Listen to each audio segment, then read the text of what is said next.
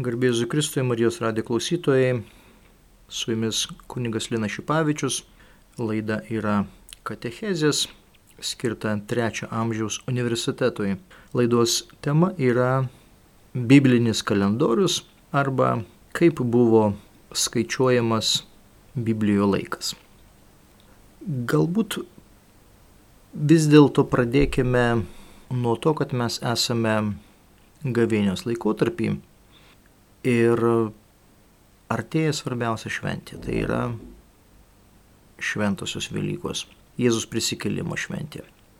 Ir verta prisiliesti bei arčiau susipažinti su tais tekstais, su tomis šventojo rašto vietomis, kurios mums kalba apie Kristaus paskutinę vakarienę, apie paskutinės vakarienės ir Eucharistijos įsteigimą. Tame kontekste mes e, kalbėsime apie laikmetį, kalbėsime apie kalendorių, kalbėsime apie skaičiuojamas dienas. Taigi, Naujame testamente yra keturi aprašymai, kurie tiesiogiai liudyja Eucharistijos įsteigimo slėpinį. Šie prašymai turi dvi tradicijas. Pirmoji yra Švento Morkaus tradicija, 14 skyrius nuo 22 iki 24 eilutės ir Švento Pauliaus tradicija. Tai yra pirmasis laiškas kurintiečiams, 11 skyrius nuo 23 iki 26 eilutės.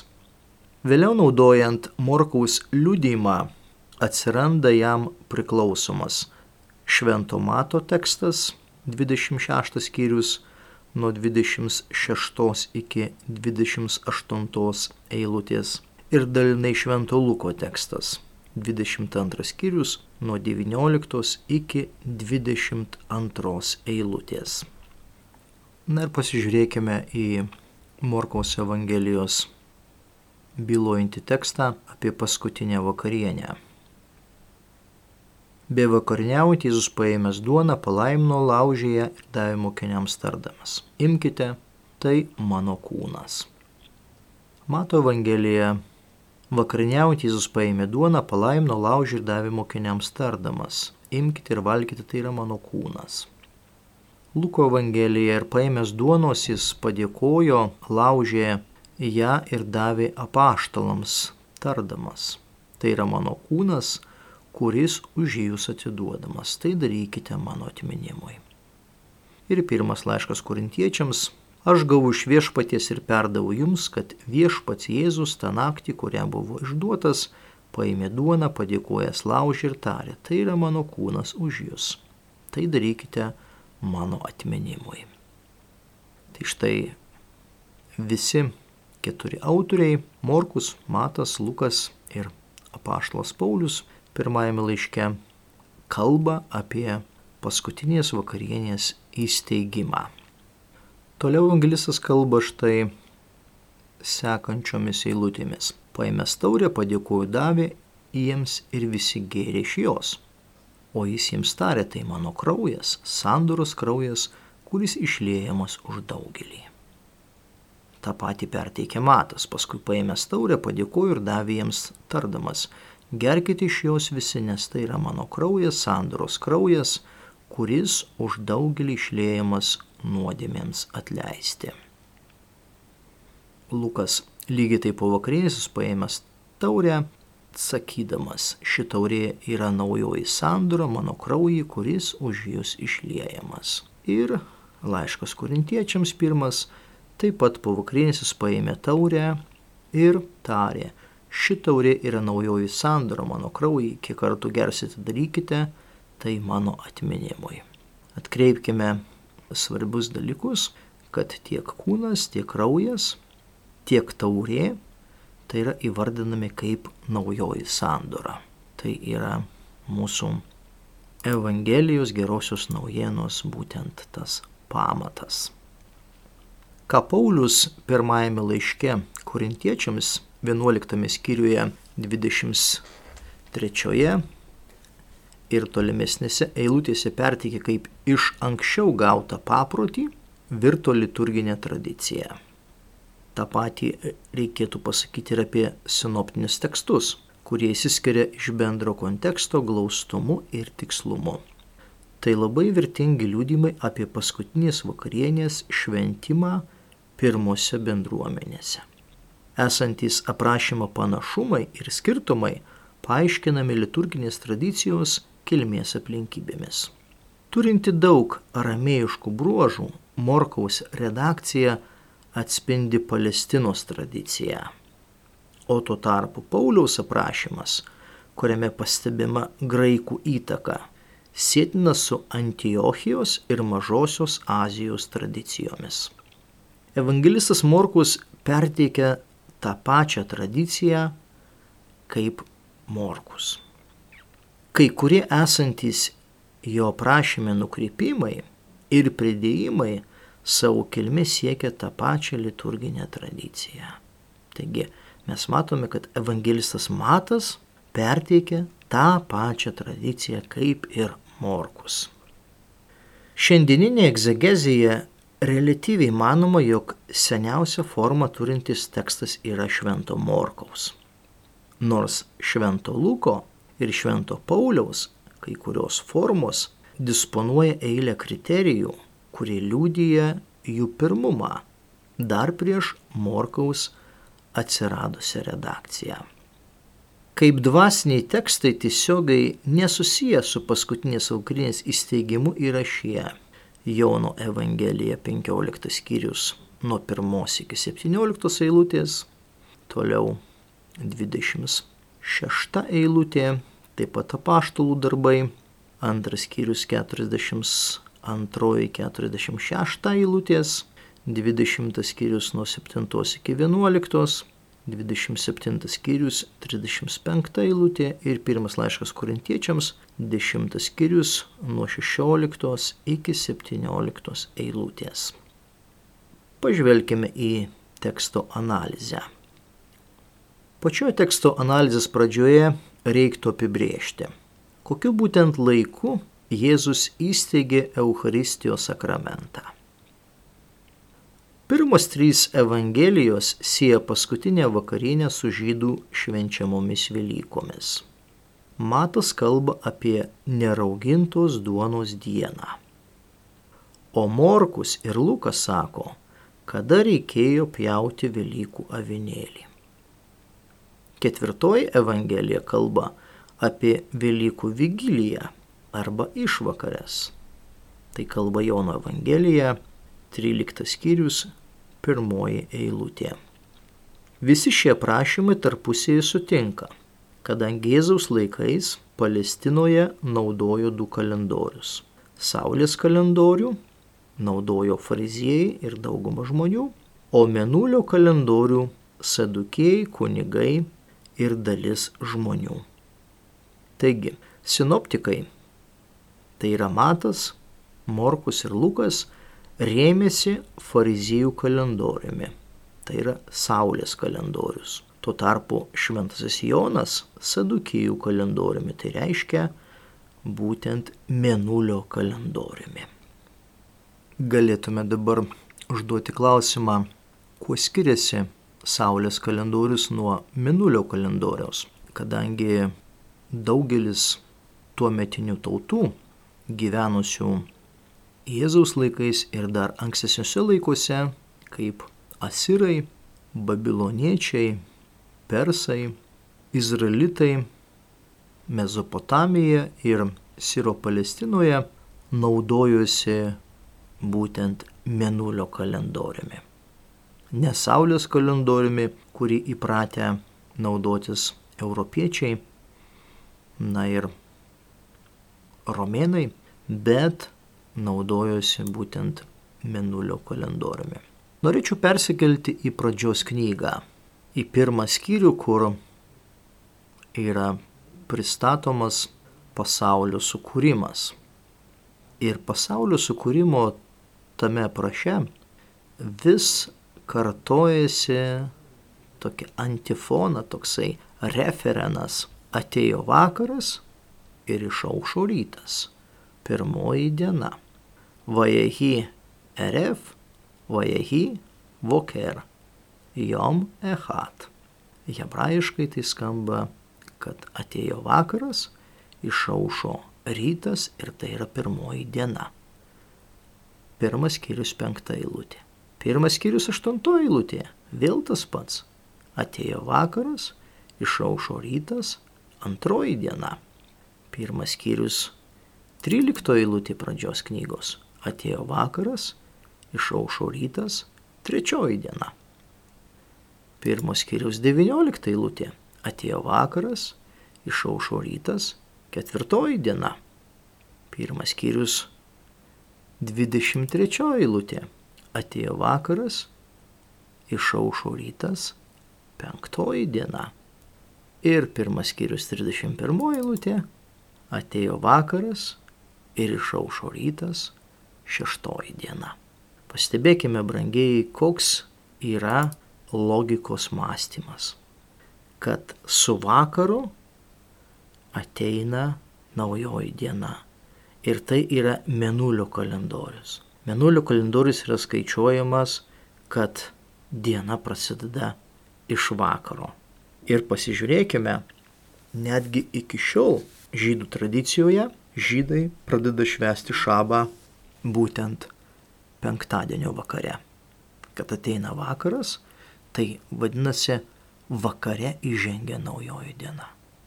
Ir tai mums kaip europiečiams, kaip Lietuvoje gyvenantiems žmonėms, tai yra kažkas tai nesuprantama. Bet tose kultūrose, tuose būtent kontinentuose, kur na, išaugo biblinis tekstas ir kur išaugo būtent bibliniai personažai, ten buvo suprantama tas laiko skaičiavimas, dienos skaičiavimas būtent nuo vakaro. Ir jeigu mes netgi keliautume toliau, tai Sename testamente e, būtent hebrajiškas žodis RF, jisai yra vartojamas 136 kartus. Ir tokiuose labai svarbiuose tekstuose kada prasideda kažkas tai naujo, galime perskaityti. Štai pradžios knygoje 8 skyrius 11 eilutė. Vakare balandis sugrįžo pas jį ir jo snape buvo nuskintas alytmedžio lapas. Dabar nojus žinojo, kad vandenys žemėje jau buvo nusekę.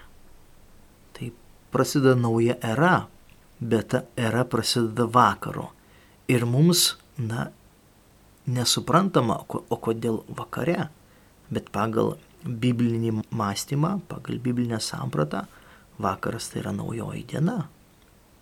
Tai yra naujoji era ir šitoje vietoje tas balandis, kuris atneša nojui nuskintą alyvmedžio lapą, tai jisai simbolizuoja naują laikmetį. Laikmetį, kuris prasideda po tvano. Kalbant apie mėnulio kalendorių, jo fazė apėmė mėnesio 29 dienas su pusę. Metai sudarė 354 dienas. Palyginant su egiptitišku kalendoriumi, civiliniu tas kalendorius sudarė 365 dienas. Taip pat kaip ir romėniškas Julijaus kalendorius taip pat sudarė 365 dienas iki 1582 metų. 1852 metais įvyko Grigaliaus reforma ir buvo įvestas būtent e, grigališkas kalendorius, kuris skaičiavo 365 dienas. Minulio kalendorius buvo trumpesnis ir e, per metus e, siekia 11 dienų. Todėl reikėjo kas kartą pridėti tas 11 dienų. Ir taip gaudavosi, kad nesutapimai tarp Saulės kalendoriaus ir tarp mėnulio kalendorius. Bet to labai įdomus dalykas, kad žydų kalendorius prasidėdavo pavasarinio mėnesio. Mūsų europinis kalendorius prasideda sausio. Pažydus prasideda pavasarinio mėnesio Nisan ir Nisan tai yra būtent tarp kovo ir balandžio mėnesių.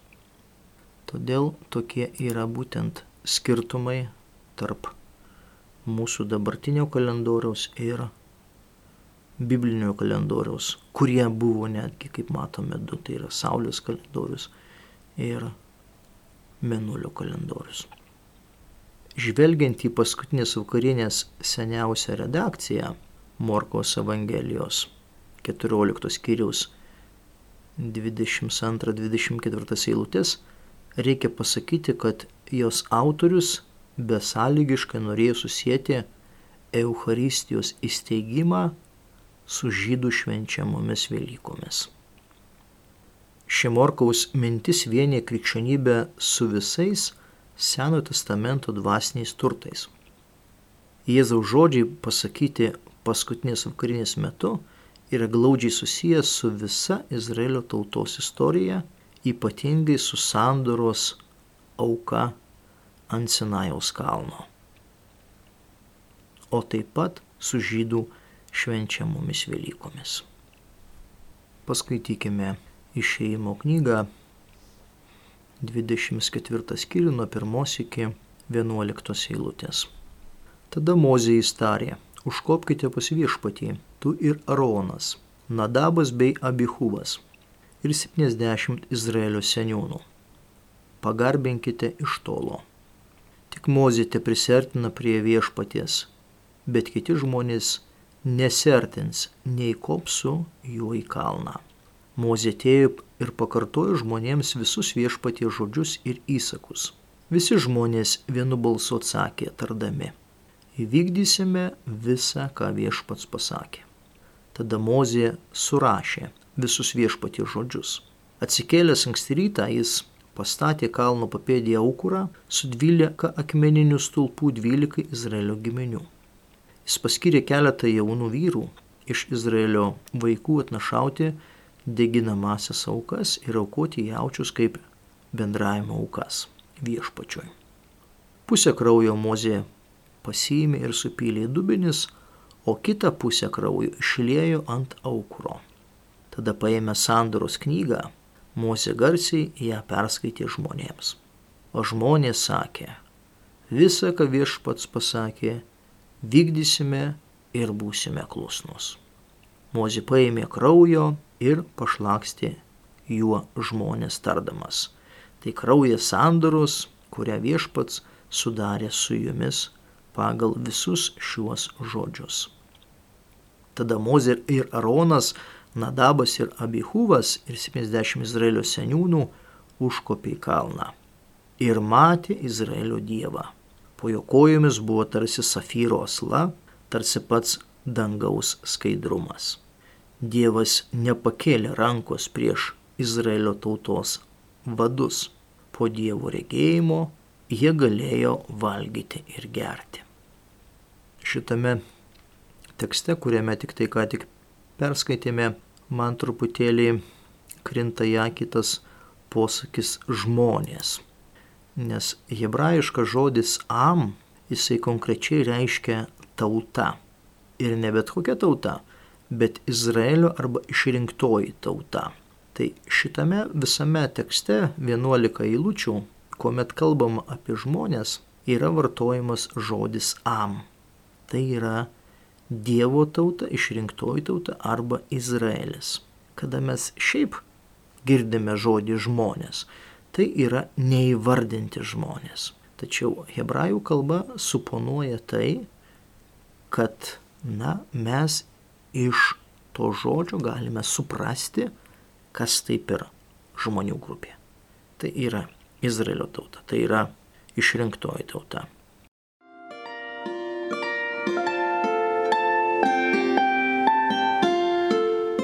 Jūs girdite Marijos radiją.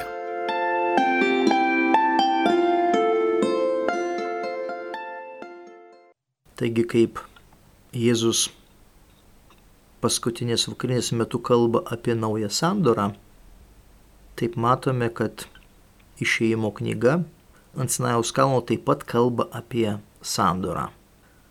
Tautos sandorą su Dievu. Eucharistijos slipinėje taip pat yra kalbama sandora su mokiniais, sandora su naujaja bažnyčia, su nauja bendruomenė. Analizuojant eucharistinius tekstus, reikia pasakyti, kad tiek sinoptikai, tiek Paulius nėra prisirišę prie pažodinės paskutinės vakarienės eigos. Pats Eucharistijos įsteigimo faktas yra aprašytas tartum kažkokios žydiškos liturgijos nuotrupa. Nėra konkrečiai pasakyta, koks gėrimas buvo taurėje. Bet tuometiniams Naujojo testamento autoriams nebuvo tai svarbiausia. Šie dalykai yra antrailiai.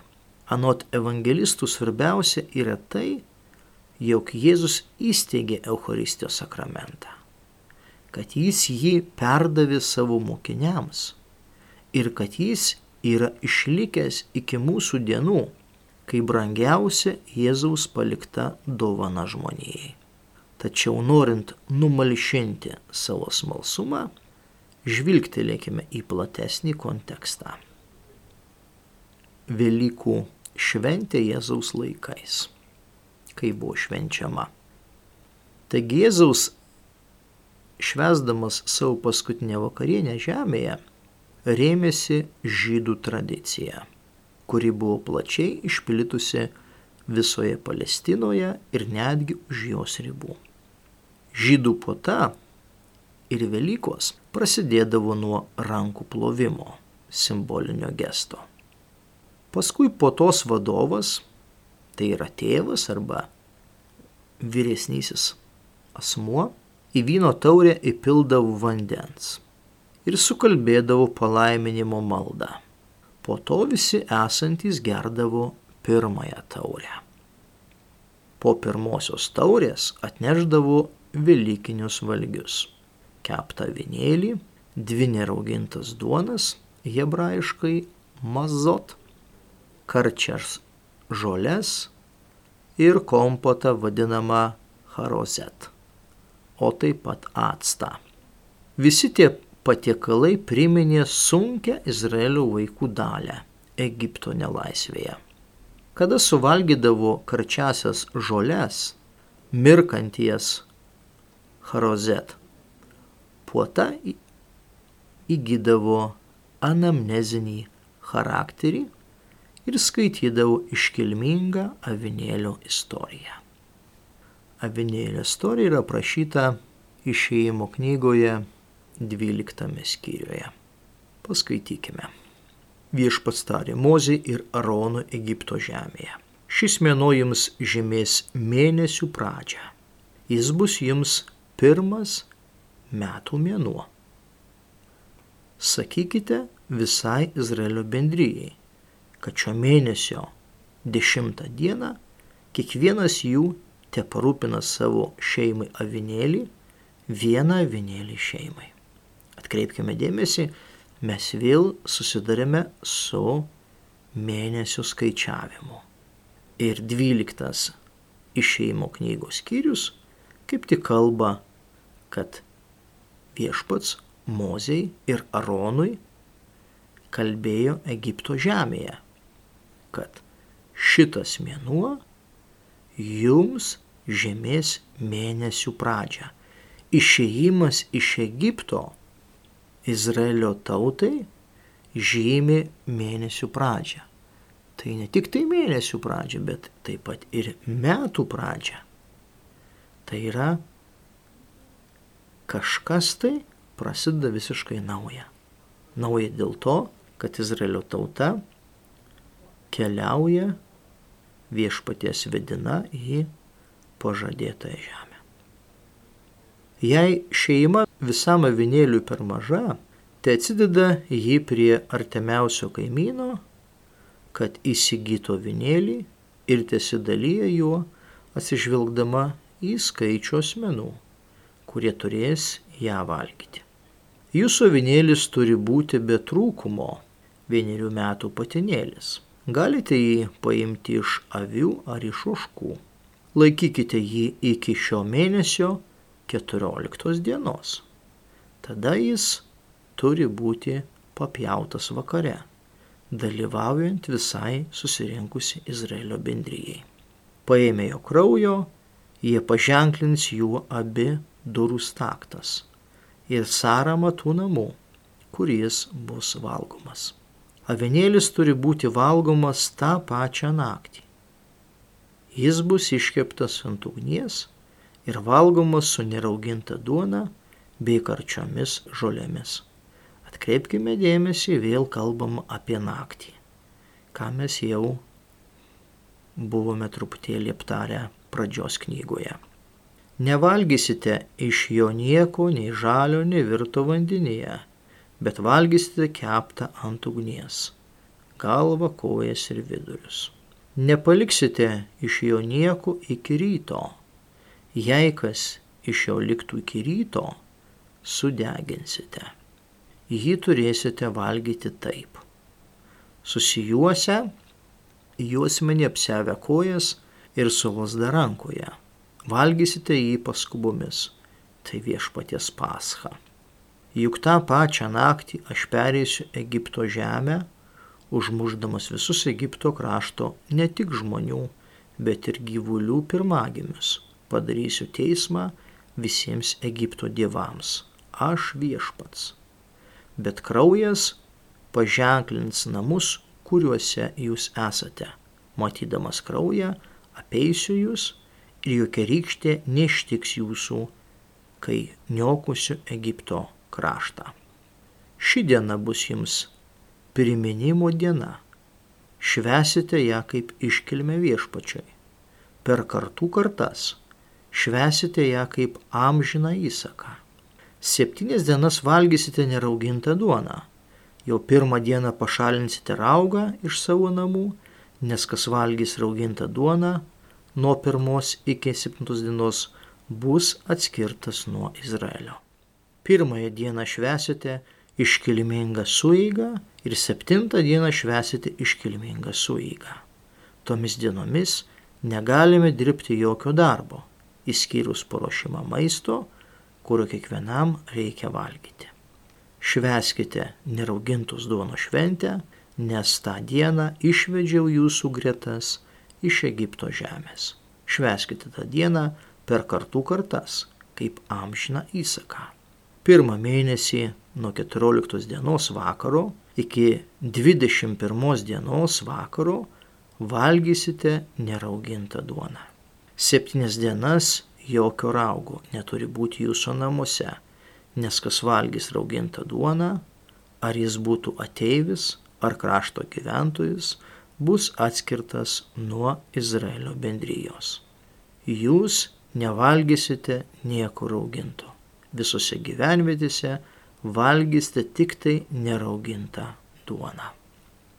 Tada Mozė sušaukė visus Izraelio seniūnus ir tarė jiems, eikite, pasirinkite savo šeimoms avinėlius ir papjaukite paskos avinėlį.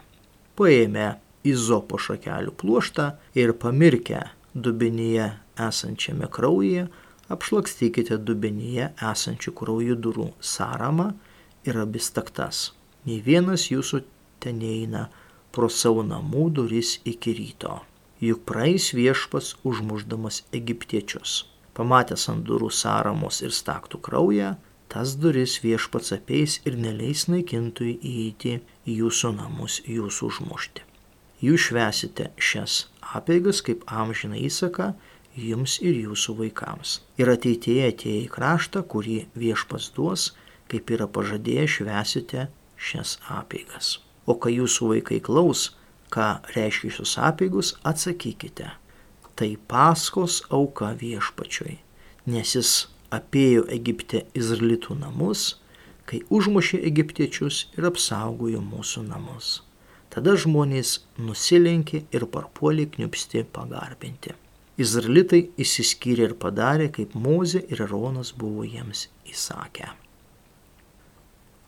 Toliau dar dvyliktas skyrius kalba apie pirmagimio mirtis ir vėliau kalba taip pat apie išėjimą iš Egipto.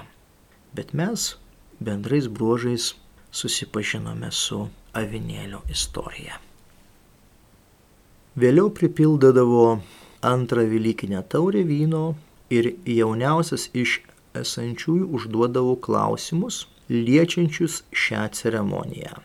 Vadovas kelbdavo išsame Velykinę Hagadą, kuri aiškindavo šventės tikslą, o vėliau gėdodavo mažai Halel, tai yra nuo 113 iki 114 psalmės.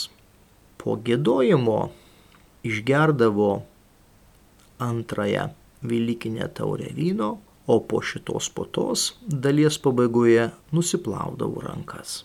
Paskui prasidėdavo tikroji pota, kurios pradžioje laimindavo duoną. Vėliau ją laužydavo ir valgydavo, taip pat valgydavo Velykinį avinėlį ir uždegdavo žvakes. Tai yra Eucharistijos įsteigimo momentas. Tuomet po vakarienės paruoždavo ir laimindavo trečią taurę. Kai suvalgydavo vakarienę, po tos vadovas gėdodavo Birkat Ha Mazon, sudaryta iš įvairių palaiminimų. Berakot, vadinama dėkojimu. Birkat Kamazon atitinka krikščionių pirmosios struktūros Eucharistijos malda. Kada išgerdavau trečią taurę, tai yra Eucharistijos įsteigimo momentas, gėdodavo mažai Halel. Tai yra 115-118 psalmės. Vėliau išgerdavo ketvirtąją taurę ir pabaigoje gėdodavo didį Halel. Tai yra 136 psalmė. Tuo būdu puota baigdavosi ir būdavo galima tinkamai pavalgyti. Prie šios Velykinės aukos prisidėdavo tas, kuris suvalgydavo bent nago didumo mėsos gabalėlį. Yra prielaida, kad Jėzus Kristaus duonos kūno ir vyno krauju permainimas įvyko duonos palaiminimo metu prieš pradedant valgyti Velykų avinėlį. Kada sugėdojo didį Halel, Jėzus su savo mokiniais patraukė į alyvų sodą Getsemanę, esantį ant vakarinio alyvų kalno šlaito. Pirmosios krikščionių bažnyčios Euharistijos šventimas.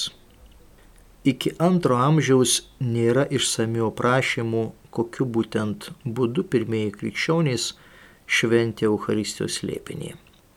Antrame amžiuje dokumente Didache 9 ir 10 skyriuose, taip pat 14 skyriuje nuo 1 iki 3 eilutės kalbama apie Euharistijos šventimą, kurioje naudojo vyną ir duoną. Taip pat antrame amžiuje gyvenantis šventasis Justinas kankinys savo apologijoje aptarė Euharistijos šventimą tokiais žodžiais. Vėliau prie vyresniojo broliai atneša duoną ir taurė pripilta vyno ir vandens.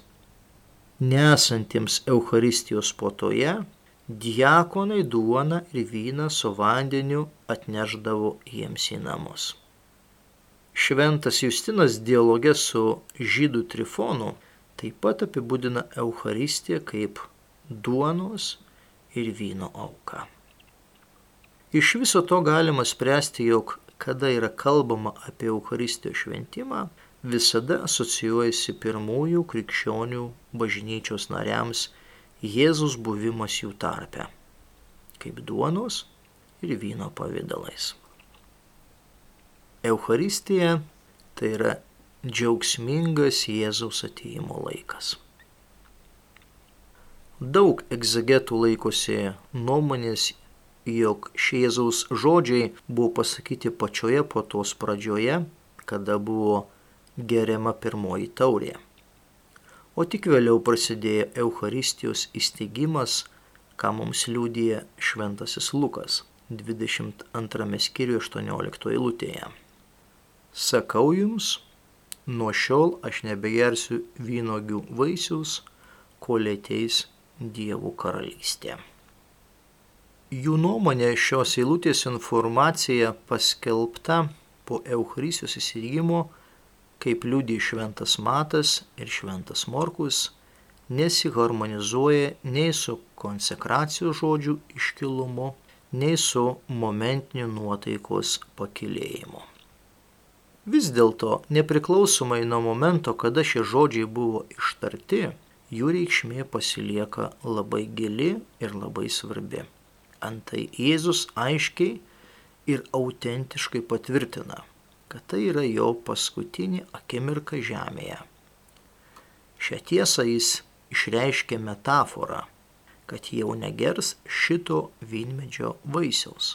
Tai yra žemiško vyno, kuris sudarė tuo metinės Palestinos paprastam gyventojui svarbę dalį kasdieninio valgio, kurį ką tik perkeiti arba perkeis į savo kraują tačiau pranašauja savo eschatologinį triumfą iki tos dienos ir būsiančią savo mokinių garbę su jumis.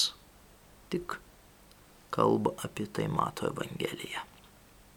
Taigi tėvų karalystę Jėzus pristato simboliškai kaip eschatologinę puotą. Atitikmuo yra pranašo Izaijo knygoje 25 skyriuje 6 eilutėje kurioje jis su savo mokiniais gers naują vyną. Taigi verta naujos tvarkos, naujos realybės, kurios Euharistija pralenkia ir tampa jų simboliniais tikslais. Iš šių žodžių galima spręsti, jog paskutinė vakarienė Jėzų supratimu, kurią jis įsteigė, yra ne tik slėpiniu primenančio jo mirtį ir aktualaus buvimo ženklą, bet taip pat džiaugsmingai skelbiančiu jo parūzijos dieną. Taigi Euharistija yra ne vien tik jo tikrosios mirties skelbimas ir prisikelimo išpažinimas, bet taip pat džiaugsmingas Jėzaus ateimo laikas. Mėly Marijos radio klausytojai, mėly trečio amžiaus universiteto studentai, štai mes per, per biblinio kalendoriaus prizmę mes prisilietėme prie paskutinės vakarienės. Prisilietėme prie pačios krikščionybės širdies. Ir mes matėme, kad, na, aprašymai Euharistijos truputėlį skiriasi, kadangi vieni autoriai gyveno pagal Saulės kalendorių, kiti autoriai gyveno pagal Menulio kalendorių, bet vis dėlto tas Menulio kalendorius bibliniais laikais buvo persmelktas labiau. Ir žmonės labiau tą suvokė netgi dienos ritmą. Mes matome tą, vat, tas vakaras, paskutinės vakarienės vakaras, tai jisai iš tikrųjų žymi naują krikščionybės įsteigimo era. Žymi taip pat Jėzaus Kristaus, na, tą naują sandorą ir tą pasilikimą su kiekvienu bažnyčios nariu. Tai yra Jėzaus tas dieviško apreiškimo momentas, kad jisai pasilieka su mumis čia ir dabar būtent vyno ir duonos pavydalu. Ir tai vyksta per paskutinę vakarienę, kuomet mokiniai su Jėzumi švenčiame Velykas. Taigi tame kontekste Velykinėme mes galime prisiliesti ir prie kalendoriaus, ir prie datų skaičiavimo, ir taip pat prie to esminio krikščionybės lėpinio, tai yra paskutinės vakarienės. Su jumis buvo kunigas Lina Šipavičius. Visiems palaimingo laiko. Sudė.